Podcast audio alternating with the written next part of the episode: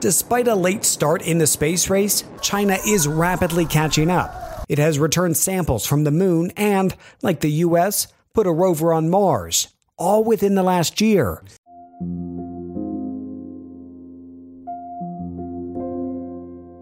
Afgelopen weekend arriveerde een nieuwe bemanning op het Chinese ruimtestation Tiangong.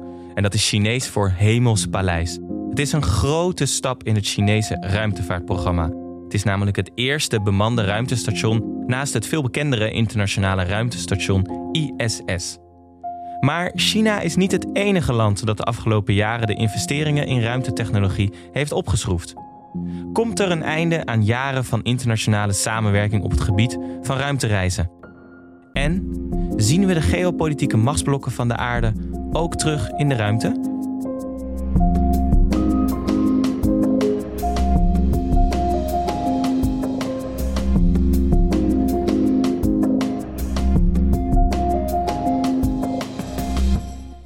Welkom bij de podcast Wereldmachten. Mijn naam is Tim Wagemakers, ik ben journalist en neem je elke week mee in het geopolitieke spel achter het nieuws. En vandaag bespreken we de machtsverschuivingen in de race om de ruimte. En dat doen we wederom voor de derde keer met Hans Klis, oprichter van kenniscentrum De Buitenlandredactie. En later spreken we met Sarah Moens, die ons alles kan vertellen over de vraag van wie is de ruimte. Zij is namelijk bestuurslid van het European Center for Space Law, opgericht vanuit ESA. En dat kennen we natuurlijk als de Europese Ruimteorganisatie. Hans, welkom. Fijn dat je er bent. Ja, dankjewel. We mogen eindelijk de ruimte in. Ja, nou ja, eh, engage zou uh, Jean-Luc Picard zeggen. Hè? Ja, ik hoorde dat jij een trekkie was. Ja, vroeger. Een Star Trekkie. Ja, ja. ja. Ja, ik praat er natuurlijk niet zo heel graag over. Maar inderdaad, ik uh, ging vroeger de conventies af. Uh, gekleed als, nou een beetje gekleed als, als Star Trek figuren. Inderdaad. Het was wel een grote droom voor mij de ruimte in te gaan. Ja? Ja. En nu mag je erover praten. Nu, ja, dat is al, dat is al heel wat. Ik al heel fijn. ja. ja, want, want heb je, de afgelopen, heb je het afgelopen weekend gevolgd wat er gebeurd is um, met uh, de Chine het Chinese ruimtevaartprogramma? Want dit weekend zijn, is eindelijk de lancering die al een hele tijd gepland stond mm -hmm. gebeurd. Wat, wat is er precies gebeurd dit weekend? Afgelopen weekend is er een, een nieuwe bemanning uh, uh, nou, gelanceerd en aangekomen bij het Chinese ruimtestation Tiangong. De, zoals je al zei, het Hemelse Paradijs is genaamd. Hemels ja. Hemels Paleis, nou ja, paradijs, ruimte. En dat is op zich, is dat gewoon, als je dat ziet op het nieuws, denk je, nou leuk, er worden al afgelopen decennia, gaan er heel vaak mensen de ruimte in. Alleen, dit is eigenlijk best wel een big deal. Dat deze Chinese bemanning in een ruimtestation, wat alleen maar van China is, aangekomen zijn. Ja. want ja, misschien is het is niet helemaal duidelijk, maar het is wel een soort van teken dat de internationale orde in de ruimte zoals we die de afgelopen ja, 30 jaar kennen, eigenlijk aan het eindigen is. Dat er een nieuw tijdperk uh, aan zit te komen in de ruimte. Ja, want, want, want eigenlijk wat er aan de hand is, de dominantie van de Verenigde Staten mm -hmm. uh, vanuit NASA, mm -hmm. is misschien een beetje ten einde. Dat is eigenlijk de vraag die we vandaag op tafel leggen. Wat is er aan de hand rondom ja. de samenwerking tussen landen? Ja. Want op allerlei plekken gaan landen zelf aan de slag. En weer de ruimte in. Precies. En de afgelopen 20 plus jaar uh, was de plek waar landen samenkwamen, wetenschap bedreven, uh, ontdekkingen deden in de ruimte, was het internationale ruimtestation ISS. En dat, uh, dat was eigenlijk de plek, was beheerd door, eigenlijk beheerd door, door NASA. Ja. Die, en daar ja, kwam iedereen maar samen. En nu is er dus ook een Chinees ruimtestation om dat te gaan doen. En meerdere landen zijn ja. ook van plan om een ruimtestation de, de ruimte in te sturen. En wat staat er dan op het spel, geopolitiek gezien? Uh, geopolitiek staat er is groot. ja. nou ja, uh, astropolitics follows uh, terrapolitics, zeggen ze bij King's College in Londen. wat staat er op het spel? Nou ja, door die versplintering in de ruimte van de geopolitiek...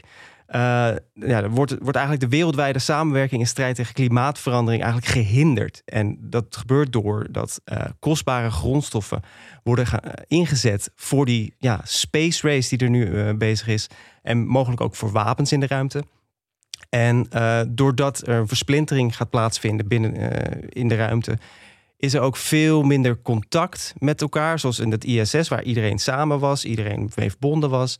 Ja, nu als iedereen zijn eigen ruimtestation heeft, ja, met wie overleg je dan als er een botsing is in de ruimte?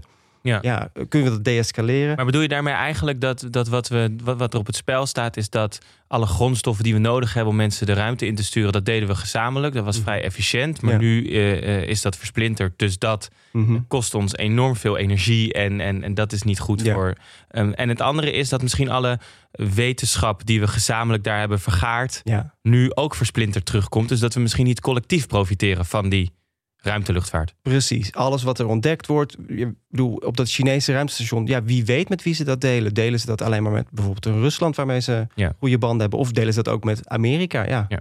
Want waar gaan we het over hebben? We gaan het dus hebben over die geopolitieke belangen in de ruimte. En misschien ook wel hoe commerciële belangen daarin uh, steeds mhm. belangrijker worden. En waar gaan we het niet over hebben? We gaan het niet hebben over de commerciële ruimtevaart voor burgers. Dus of jij en ik binnenkort uh, van Jeff Bezos een, uh, een kaartje krijgen, een ticket om naar de ruimte te gaan. Nou, als hij luistert, ik ben wel geïnteresseerd overigens om, om, om daar naartoe te gaan, maar dat horen we dan wel.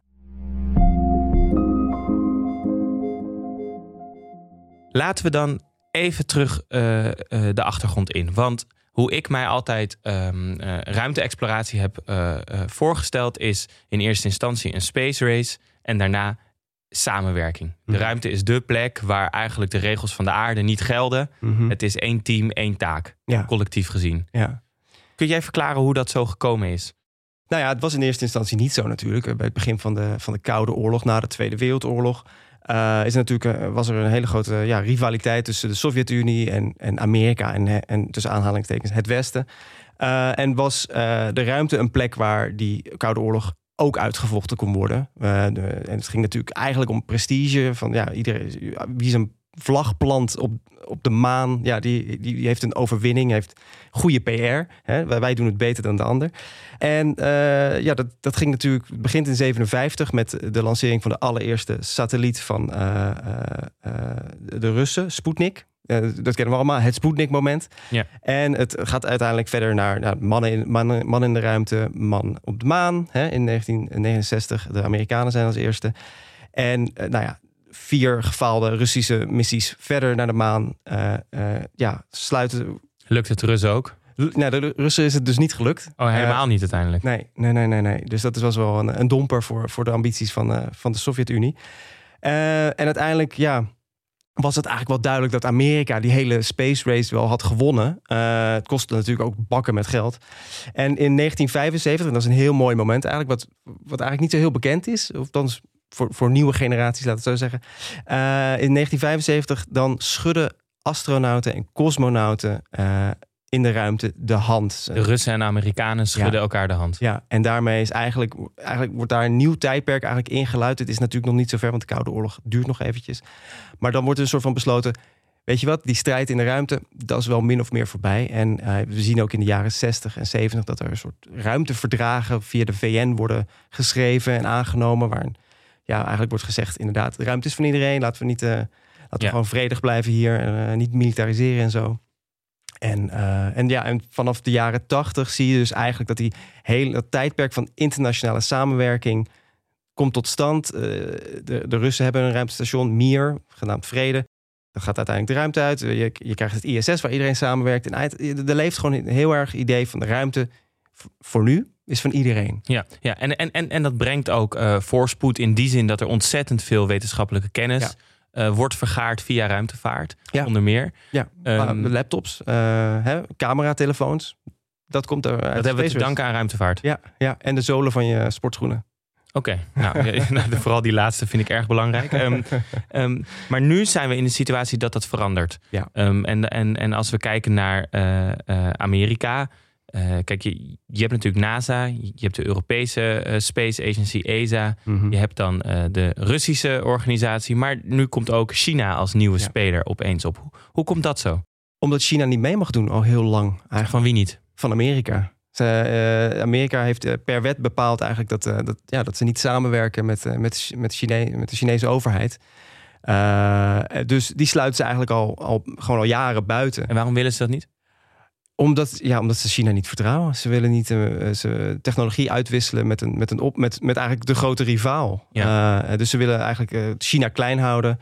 ervoor zorgen dat Amerika altijd degene is die bovenaan staat in, in, de ruimte. Ze hebben eigenlijk ze hebben China buitengesloten. En wat heeft China gedaan? Die heeft de afgelopen twintig jaar keihard gewerkt om eigenlijk die, die achterstand gewoon in te halen. En ze zijn er bijna. En dat laat dat nieuwe ruimtestation ook zien. Ze, ze hebben het helemaal zelf gedaan en ze, ze doen het ook zelf. Uh, ze gaan misschien samenwerken met de Russen. De Russen hebben de know-how natuurlijk vanuit die Koude Oorlog.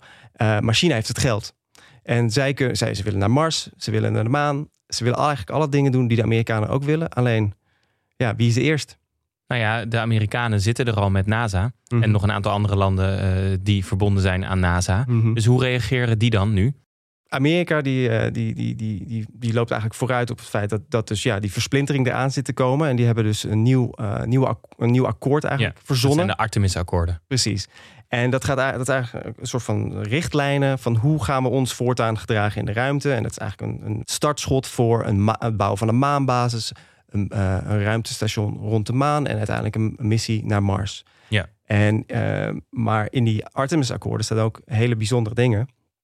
Bijvoorbeeld gaat over, ook over het uh, delven van grondstoffen. Van wie mag dat nou eigenlijk? En, en daar hebben zij dus wel ze bouwen voort op die verdragen die via de VN zijn afgesloten, maar ze, ze, ze geven er een draai aan. Ja, ja, en wat vroeger had je, daar gaan we straks over doorpraten met Sarah, had je die Outer Space Treaty en de Artemis-akkoorden. Dat zijn eigenlijk een nieuwe akkoorden. En Mm -hmm. daarin gebeurt, wat ik erover las, iets heel interessants. Namelijk, je ziet dat um, de maan is een soort jumping point om het heelal verder te ontdekken, ja. om naar Mars te gaan. Ja. En om dat te doen heb je apparatuur nodig, heb je dingen nodig, je wil daar blijven, je wil er iets permanents bouwen en daar heb je grondstoffen voor nodig. Ja. En dat is natuurlijk het moment dat het spannend wordt, want hè, in zekere zin die symbolische vlag die geplant is door de Amerikanen, die zijn niks juridisch gezien, dat was prestige. Ja. Maar nu kom je op het punt dat uh, zo'n Artemis-akkoord zegt van oké, maar wij willen wel die grondstoffen uh, uh, zeg maar op een bepaalde manier reguleren. En dan wordt de ruimte ook commerciëler. Ja.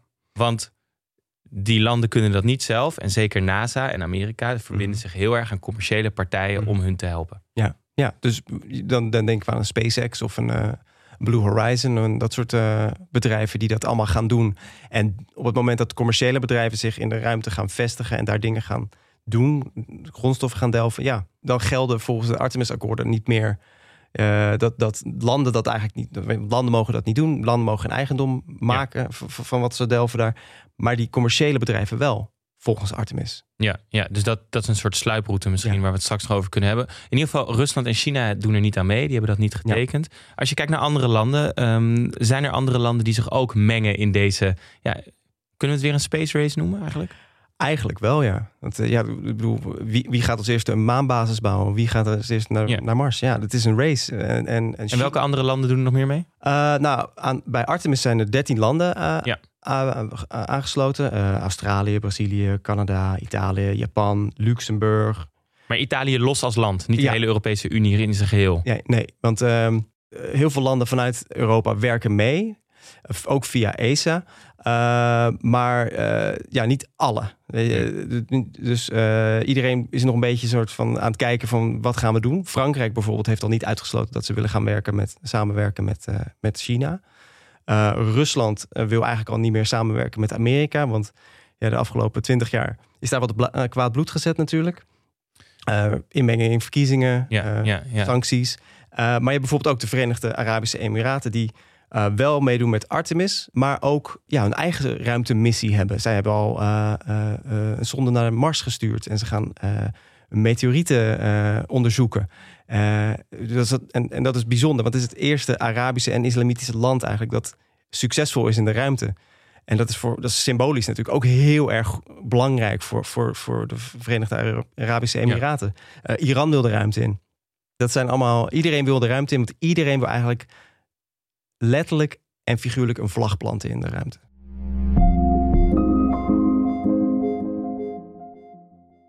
En, en dan, dan, dan toch nog een keer de vraag: iedereen wil de ruimte in, maar wat staat er dan op het spel? Want die samenwerking zoals we die nu hebben, die heeft zeg maar collectief uh, uh, de wereld vooruit geholpen. Je kunt mm. nog misschien iets over klimaatimpact of, of de kosten of, en, en de keuzes die dat misschien heeft voor dingen die op aarde zijn gebeurd. Hè? Ja. Sommige landen die hebben heel erg zichzelf in de schulden gestoken Ja. om de ruimte in te gaan. Terwijl je denkt, op aarde is er ook nog wat werk te doen. Maar Ja. even los daarvan heeft de ruimtevaart ook voordelen opgeleverd. Ehm, technologisch vooral. Maar wat, staat er, wat wil je daar halen dan? Want dan heb je die vlag geplant. Wat is daar? Is dat toch de science fiction droom van wij zijn de eerste die een nieuwe beschaving ontdekken? Eh, Of is het gewoon een keiharde strijd om grondstoffen, om satellieten de lucht in te brengen die, die, die, die mijn telefoon eh, eh, nodig heeft? nou, het, is, Waar gaat het om voor die landen? het gaat om grondstoffen inderdaad. Maar het gaat ook wie gaat uiteindelijk de regels bepalen in de ruimte. Je ziet het al met Artemis. Amerika probeert al een soort van juridisch kader te bouwen rondom bestaande verdragen. En een beetje, weet je, commerciële bedrijven bijvoorbeeld wat meer ruimte te geven. Grapje, natuurlijk, ruimte. Eh, Ik hoorde hem. Ja. maar het gaat vooral van wie bepaalt de toekomst van de ruimte, eigenlijk. Wie, wie wordt daar de baas? Ja, maar dan, dan hebben we dus eigenlijk, we hebben een fase gehad. Dat is misschien een beetje de, de, de fase waarin je met elkaar blij bent hoe ver je komt. Ja, Eh, dan, dan heb je de, een aantal landen. Kijk, bijvoorbeeld China. Dat was natuurlijk nooit een probleem dat die niet mee mochten doen, want het lukte ze ook niet. nee. Nee. Ehm, maar nu zitten we in een soort geconsolideerde fase. Waarbij we eigenlijk weten hoe we naar de maan kunnen komen. We Ja. weten hoe we een ruimtestation als ISS kunnen maken. Ja. Of hoe, hoe de Chinezen dat nu doen met Tiangong. Ja. En dan begint het geopolitieke spel eigenlijk. Ja. Dat begint nu. Want we gaan, van, we gaan dus van de, de, de blije wereld van Star, Star Trek eigenlijk... waar iedereen met elkaar verdragen tekent en met elkaar overlegt... gaan we eigenlijk naar een wereld van Star Wars waar iedereen... En wat zijn dan de scenario's die daarin zijn? Want ehm, ehm, we staan op het punt dat dus die regels gemaakt gaan worden. Mhm. Eh, hoe kan dit zich ontwikkelen? Want, er, want er, er zijn natuurlijk de, een kant waarop het misschien allemaal ieder voor zich gaat worden in de ruimte. Mhm. Er kan ook misschien een collectieve, collectievere ruimte toch blijven ontstaan omdat die krachten sterker zijn. Hoe zie jij dat? Het kan meerdere kanten op gaan. Eh, je hebt natuurlijk de grote kans is dat, dat dingen uitlopen op conflicten. Gewoon dat er conflicten in de ruimte. Dat iedereen wil, heeft doelen in de ruimte. En ja, als ze elkaar in de weg gaan zitten, dan krijg je, krijg je ruzie. En hoe gaat dat zich vertalen tot, ja, op, op aarde bijvoorbeeld? En, en ook in de ruimte. Want we zien ook al de militarisatie van, van de ruimte eh, eh, gebeuren. Wat is dat? Militarisatie van de ruimte? Eh, nou ja, Staan er kanonnen op de maan? nog niet, nog niet. En laten we hopen dat het niet gebeurt. Maar bijvoorbeeld satellieten die andere satellieten kunnen kapotmaken. Dus China en Rusland kunnen, hebben, hebben satellietwapens die bijvoorbeeld telecom sa- satellieten eh, van Amerika Jammen. kunnen kapotschieten. Ja. Eh, of, of jammen, ja, inderdaad. En dat, ja, dat zou natuurlijk voor, voor, voor, voor legers, voor, voor, voor, voor landen eh desastreus kunnen zijn als je ge- geen contact meer kan maken of niks meer ziet. Eh, GPS niet meer werkt, hè, dat je niet meer je weg weet, weet te vinden. Ehm, maar wat we vooral zien is misschien eh, die versplintering. Ja, dat er gewoon eigenlijk wat verloren gaat in de, in, de, in de vooruitgang van technologie en wetenschap. Dat we gewoon, ja, dat we dingen missen. Dat we, Ja. ja. Ja. Want, want als je de vraag van wie is de ruimte en, en, en, en ehm, die gaan we zo stellen bij Sarah, dan heb je, eh, kijk, die verdragen waar we zo dieper op ingaan, die zeiden bijvoorbeeld, hè, om het even heel concreet te maken, Mhm. eh, er was natuurlijk in de Koude Oorlog een enorme angst voor de kernbom. Ja. En de kernbom had een voordeel als die vanaf de grond werd afgeschoten, namelijk dat duurt een tijdje voordat die is Ja. waar die moet zijn. Dus je kunt evacueren, je kunt misschien nog zelfs iets terug doen. Ja. Maar een van de angsten was natuurlijk dat je vanaf de ruimte Ja. binnen, en dat was een reële angst, Ja. binnen twee minuten een hele stad Ja. kon raken of een heel land. Ja. Ehm, daar was dat voor bedacht. En tegelijkertijd zie je nu, subtielere dan, niet meteen met een kernbom, militarisatie ontstaan. Dus ergens wordt er al om die verdragen heen gewerkt. Ja, ja, je bedoel, eh, eh, die dingen worden getest. Je ziet, eh, in 2015 testte Rusland zo'n zo'n satellietwapen. Afgelopen weekend kwam uit dat China hypersonische raketten heeft ingezet in augustus. Ehm, en ja, we zien, we zien in Amerika, Amerika heeft een Space Force opgericht. Een, een nieuwe tak van de, van de strijdkrachten. Ja. Frankrijk heeft ook een Space Force. De, de eh, Chinese ruimteorganisatie is deels militair. Ja. Dus ja, de ruimte wordt al gemilitariseerd. En dat is een groot gevaar. Nou, dat lijkt me een mooi moment om te gaan praten met Sarah Moens. Want eigenlijk als de vraag dus is van wie is de ruimte... dan staat er ook nog wel wat op het spel. Omdat eigenlijk je zegt de militarisatie is al onderweg. Dus Ja. het antwoord erop kan nog wel eens voor conflict gaan zorgen in de toekomst. Ja.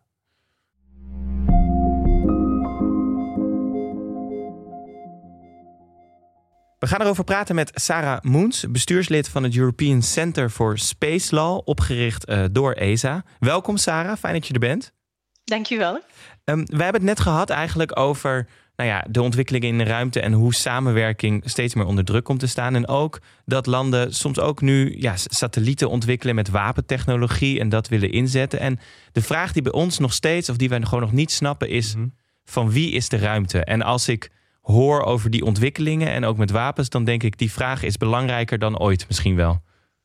Ja, nee, zeker. Dat is, dat is een heel belangrijke vraag. Sun Tzu die heeft dat ook al gezegd in The Art of War.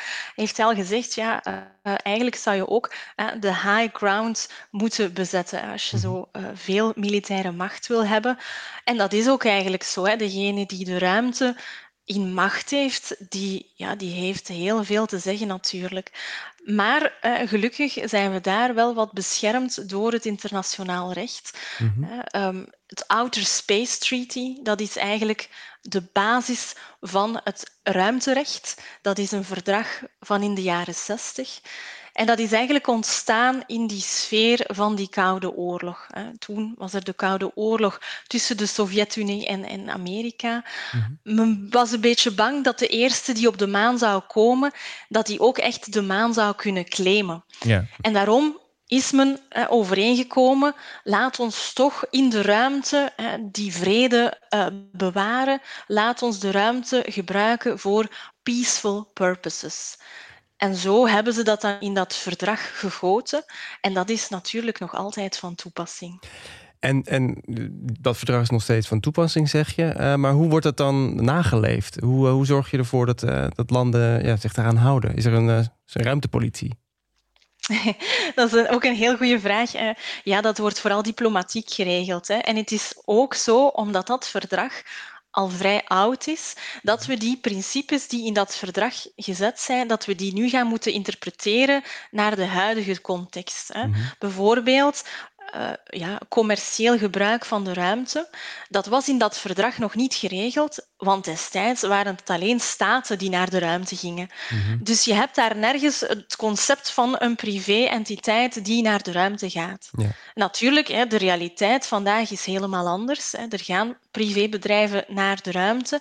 Die willen ook winst maken met hun activiteiten. Dat zijn zaken, dat vraagt een beetje een uitdaging naar interpretatie van die oude principes. En dat is hetzelfde met dat militair gebruik. Dus militair gebruik van de ruimte is wel toegestaan. Daar staat bijvoorbeeld in, in dat verdrag, je mag militair personeel naar de ruimte sturen. Maar uh, ze moeten natuurlijk altijd wel ingezet worden in dat kader van die peaceful purposes.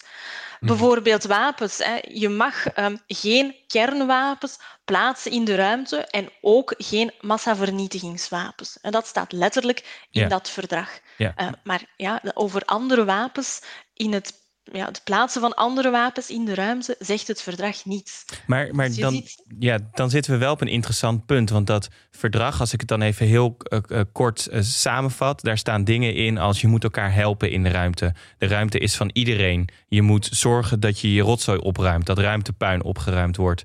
Tegelijkertijd zie je dat commerciële bedrijven vaak met landen mee de ruimte ingaan.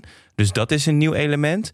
En je ziet ook dat bijvoorbeeld eh, die Artemis-akkoorden die zijn gesloten, dat is, eh, dat, dat, zoals ik het las, een eerste stap waarin landen, Amerika dan eigenlijk met een aantal landen zegt: hé, hey, wij mogen toch een stukje van de maan claimen om daar grondstoffen te delven. Dat is een heel goede opmerking. Hè. Internationaal gezien is daar nog wat discussie over in welke mate dat je grondstoffen kan claimen. Het is namelijk zo dat Outer Space Treaty dat bepaalt dat je niks kan toe-eigenen in de ruimte. En dat is het Non-Appropriation Principle. Wat wil dat zeggen? Dat je niks kan claimen. Er zijn geen soevereiniteitsrechten en geen, geen eigendomsrechten in de ruimte. Natuurlijk, hè, commerciële bedrijven die willen planeten en kometen gaan ontginnen. En die willen natuurlijk de grondstoffen die ze daar um, uithalen, kunnen verkopen en daar winst mee maken. Dat is momenteel een punt van discussie of je inderdaad de grondstoffen die je ontgint, dat je die mag uh, claimen, hè, dat daar eigendomsrechten op kunnen rusten. Luxemburg en de Verenigde Staten die vinden van wel. Uh, die hebben dan ook nationale wetgeving uitgebracht die dat toelaat. Mm-hmm. Maar internationaal gezien is men daar nog niet helemaal uit of dat dat wel juridisch gezien mogelijk is. Maar, maar dan staan we toch op een super interessant punt, want we hebben met elkaar, met z'n allen afgesproken dat we de ruimte delen. Maar eigenlijk kunnen nu landen eenzijdig daaraan een beetje rommelen door te zeggen: ja, dat, dat kan wel zo zijn, maar we denken toch dat de situatie nu is dat we wel die grondstoffen mogen claimen. Dus, dus maak je je zorgen daarom, want je ziet dat die samenwerking onder druk staat. Je hebt gelijk dat de samenwerking onder druk staat, maar er is nog altijd wel dat Outer Space Treaty dat de beginselen vastlegt en dat geldt voor iedereen. Dus dat hebben we wel als goede basis om ook die vrede te bewaren in de ruimte. Het is inderdaad zo, staten kunnen daar hun eigen interpretatie aan geven. En in een ideale wereld wordt zo'n interpretatie gegeven op een internationaal niveau. Dan ga je met alle staten samen beslissen wat nu de correcte interpretatie is van het verdrag en hoe het allemaal naar de toekomst toe gaat verlopen. Daar is men ook mee bezig, hè. zeker over dat feit van die eigendomsrechten in de ruimte bij het commercieel ontginnen van planeten en kometen. Dat is iets waar men op internationaal niveau heel fel over aan het nadenken is. Het is dus heel veel ruimte voor interpretatie in al die, al die wetgeving die er bestaat en die er, die er is. Uh, en de Verenigde Staten heeft nu 13 landen met die Artemis-akkoorden uh, ja, samen. Maar wat als China met een tegenhanger komt van Artemis-akkoorden? Kan, kan China dan ook anders interpreteren? En wat gebeurt er dan? Als ze elkaar tegenkomen op de maan. Ja, als ja. we allebei andere regels hebben eigenlijk. Ja, dat is een hele goede vraag. Hè. Um, nog, nog eens, je hebt die basis van dat Outer Space Treaty. En daar staat ook in dat er uh, mutual cooperation moet zijn. Uh, we moeten wel ergens uh, de maan ook gaan gebruiken voor, voor ieders doel, voor iedereen. ik ga dat eventjes anders zeggen. We moeten ook de maan gebruiken of outer space gebruiken ten -hmm. voordele van iedereen. Ja. Dus dat is iets wat men sowieso moet respecteren. Uiteraard zullen er conflicten ontstaan op de maan hè, of elders. Maar dan is het natuurlijk aan eh, de diplomatie om dergelijke dingen uit te praten voordat het echt grote conflicten worden. Hè. Kan het ook komen tot een groot conflict, denk je? Ik ben daar vrij gerust in, maar ik ben misschien nogal positief ingesteld. Uh, in een worst case scenario ziet het er natuurlijk niet zo goed uit, omdat je natuurlijk heel veel macht hebt in die ruimte. En wie macht heeft in de ruimte, heeft dat ook op aarde. Maar ik zie het allemaal nog niet zo vaart lopen, eerlijk gezegd. Hm. Misschien waar ik nog wel benieuwd naar ben, is je ziet natuurlijk dat, um, kijk, die ruimtevaart in het begin, in den beginnen, zo rond de jaren zestig, is het natuurlijk, had het te maken met wie kan überhaupt het ontwikkelen, betalen, wie kan de mensen naartoe sturen, de technologie. Maar je ziet nu dat er meer landen mee gaan doen, dat er meer landen in de mogelijkheid komen om überhaupt naar de maan te gaan of, of satellieten de lucht in te sturen. Um, maar daarmee komen ook de mensen die de voorsprong hadden, hè, die willen hun gevestigde belang natuurlijk daarin ook beschermen. Zie je in die zin ook dat er een soort ruimteongelijkheid uh, plaatsvindt? Zoals je ook nou ja, op aarde geopolitiek gezien ziet dat die machtsblokken een beetje aan het verschuiven zijn? Er zijn inderdaad veel meer staten die nu ruimtetechnologie hebben, die die nog niet hadden toen dat die internationale verdragen mhm. opgemaakt zijn of onderhandeld zijn. Nu, natuurlijk, veel van die staten hebben wel dat verdrag ook geratificeerd en zijn daar dus door gebonden het is moeilijk om te zien hoe dat, dat verder gaat evolueren. Maar je ziet inderdaad, hè, bepaalde grote ruimtemachten komen nu wat onder druk te staan, omdat ze de ruimte moeten gaan delen met andere machten. En dat uit zich vooral bijvoorbeeld in de hoeveelheid ruimteobjecten die nu in de ruimte zijn. Mhm. Als je ziet, er zijn immens veel satellieten te vinden in de ruimte. Het gevaar is daar dat satellieten gaan botsen of dat satellieten die niet meer werken, ja, dat die in de weg hangen. Mhm. En we noemen dat space debris.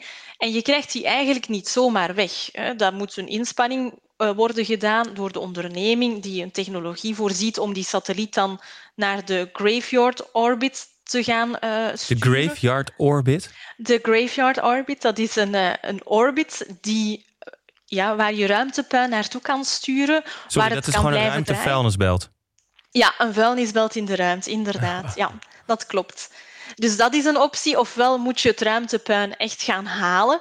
Maar je kan je al voorstellen qua technologie dat dat niet zo evident is en ook niet qua kost. Of je moet iets voorzien dat die satelliet op het einde van haar levensduur dat die naar beneden uh, komt en vanzelf en dan opbrandt in de, in de atmosfeer. Ja. Maar dat, ja, je ziet wel, hè, hoe meer uh, ruimtetechnologie en ruimtecapaciteit er komt, hoe meer dat die ruimte ook wel vol gaat zitten met al die objecten. Maar misschien dan toch, um, als je. Kijk, in de jaren 60, 70 was de ruimte eigenlijk een hele bijzondere plek. In die zin dat de regels van de aarde daar niet gelden. En dat er een soort gezamenlijk doel, samenwerking, verwondering, droom. We willen de ruimte in, dan gaan we met z'n allen doen.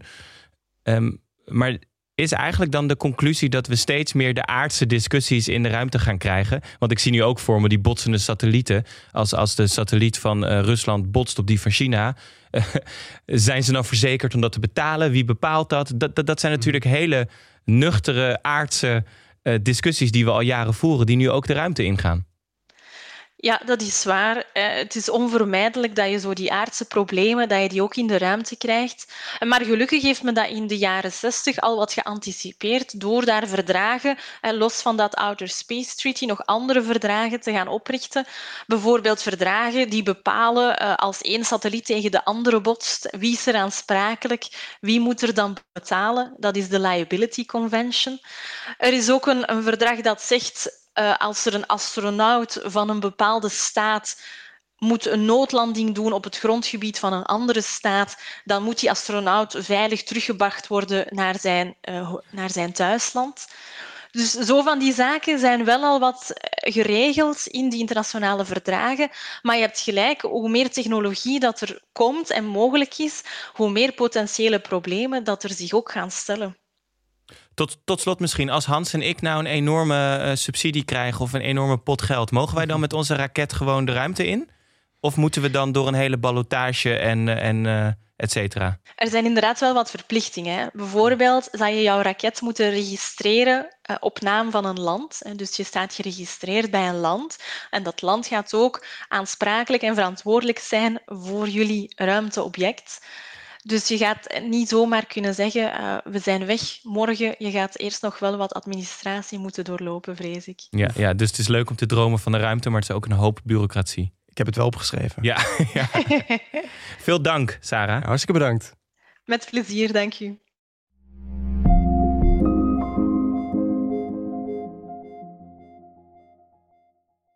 Ja, oké okay, Hans, ik, ik weet niet of ik nou enorm veel zin heb om door die bureaucratische mode te gaan. Maar als ik het zo hoor, dan moeten we vooral een, een, wat nuchterder gesprek over de ruimte gaan voeren. Ja. Zeg maar, want het dromen is wel een beetje voorbij. Het is nu vooral heel veel gedoe en regels en opletten met elkaar. Ja, met beide benen op de grond moeten we gaan nadenken over uh, wat, wat, wat, er kan en wat er mogelijk is en hoe het gaat. Ja, en, en ook dus die commerciële partijen, als je dus mhm. kijkt, dat wist, dat, dat wist ik natuurlijk wel een beetje dat uh, Richard Branson en Elon Musk, dat die gekoppeld zijn aan landen. Maar eigenlijk is dat dus ook in die regelgeving dat. Ja uiteindelijk toch die ruimte.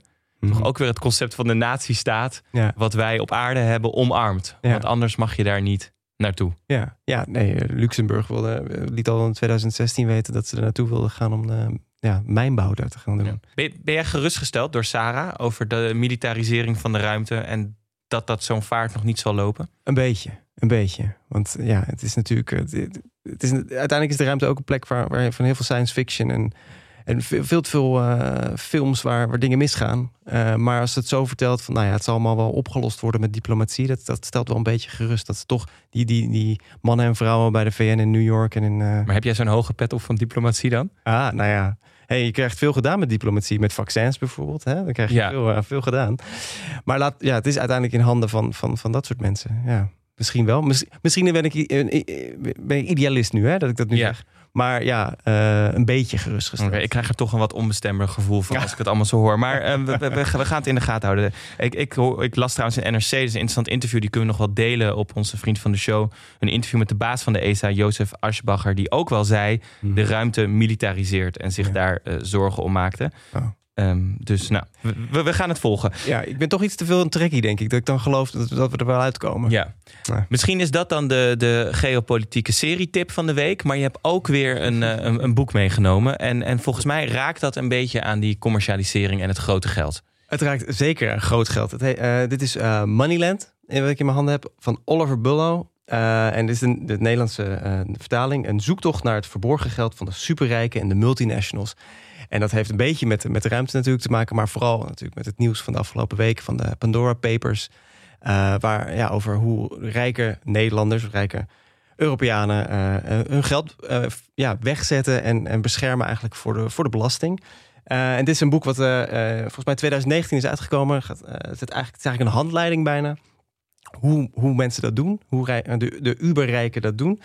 Uh, bijvoorbeeld uh, rijke Chinezen die uh, Japanse draagmoeders gebruiken om daar kinderen geboren te laten worden in Japan, zodat die kinderen Japans staatsburger worden en ze Wat? Ja, geld kunnen wegsluizen naar die kinderen. Wat dan niet bij de fiscus in, in China Zo, op de radar zit. Die offshore constructie had ik nog nooit gehoord. Ja. het is wel een heel gedoe, lijkt me. Ja, ja maar cynisch boek. Een heel cynisch boek, maar uh, verhelderend. verhelderend. Ja, ja. Oh, oké, dit, dit is één voorbeeld, maar de, de schellen vallen nu al van mijn ogen. Het is geen boek om mee te sturen met astronauten of cosmonauten, denk ik, qua aardse praktijken die we de ruimte in willen doen. Die willen we vergeten in de ruimte, ja. denk ik. Oliver Bullough, Moneyland en, en de Pandora Papers inderdaad. Hè. De, ik, ik denk dat er veel hoofdstukken bij geschreven kunnen worden, want ja. nou, we hebben het afgelopen tijd weer gezien. Onder meer met een minister van Financiën, die ook uh, via dat is een raar kerstpakket toch van McKinsey, dat je aandelen op de Seychelles kon krijgen. Nou ja. Of een kind in Japan. Hè? Ja, goed, maar dat is niet dat is wereldmachtje misschien in plaats van wereldmachten. Ik wil je voor nu uh, heel erg danken weer, Hans. Ik wil Sarah ja. Moens danken. Ik wil natuurlijk de luisteraar danken voor het luisteren. Uh, we zijn benieuwd wat je van de aflevering vond, maar ook of er onderwerpen zijn waar jij ons graag over zou willen horen. Laat ons dat dan vooral weten door een berichtje achter te laten op vriendvandeshow.nl/slash wereldmachten. En daar kan je ook de leestip van Hans natuurlijk weer terugvinden. En je vindt ons ook op Twitter met het account Wereldmachten.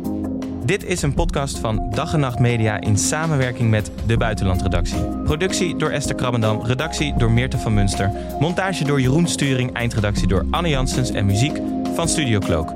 Tot volgende week.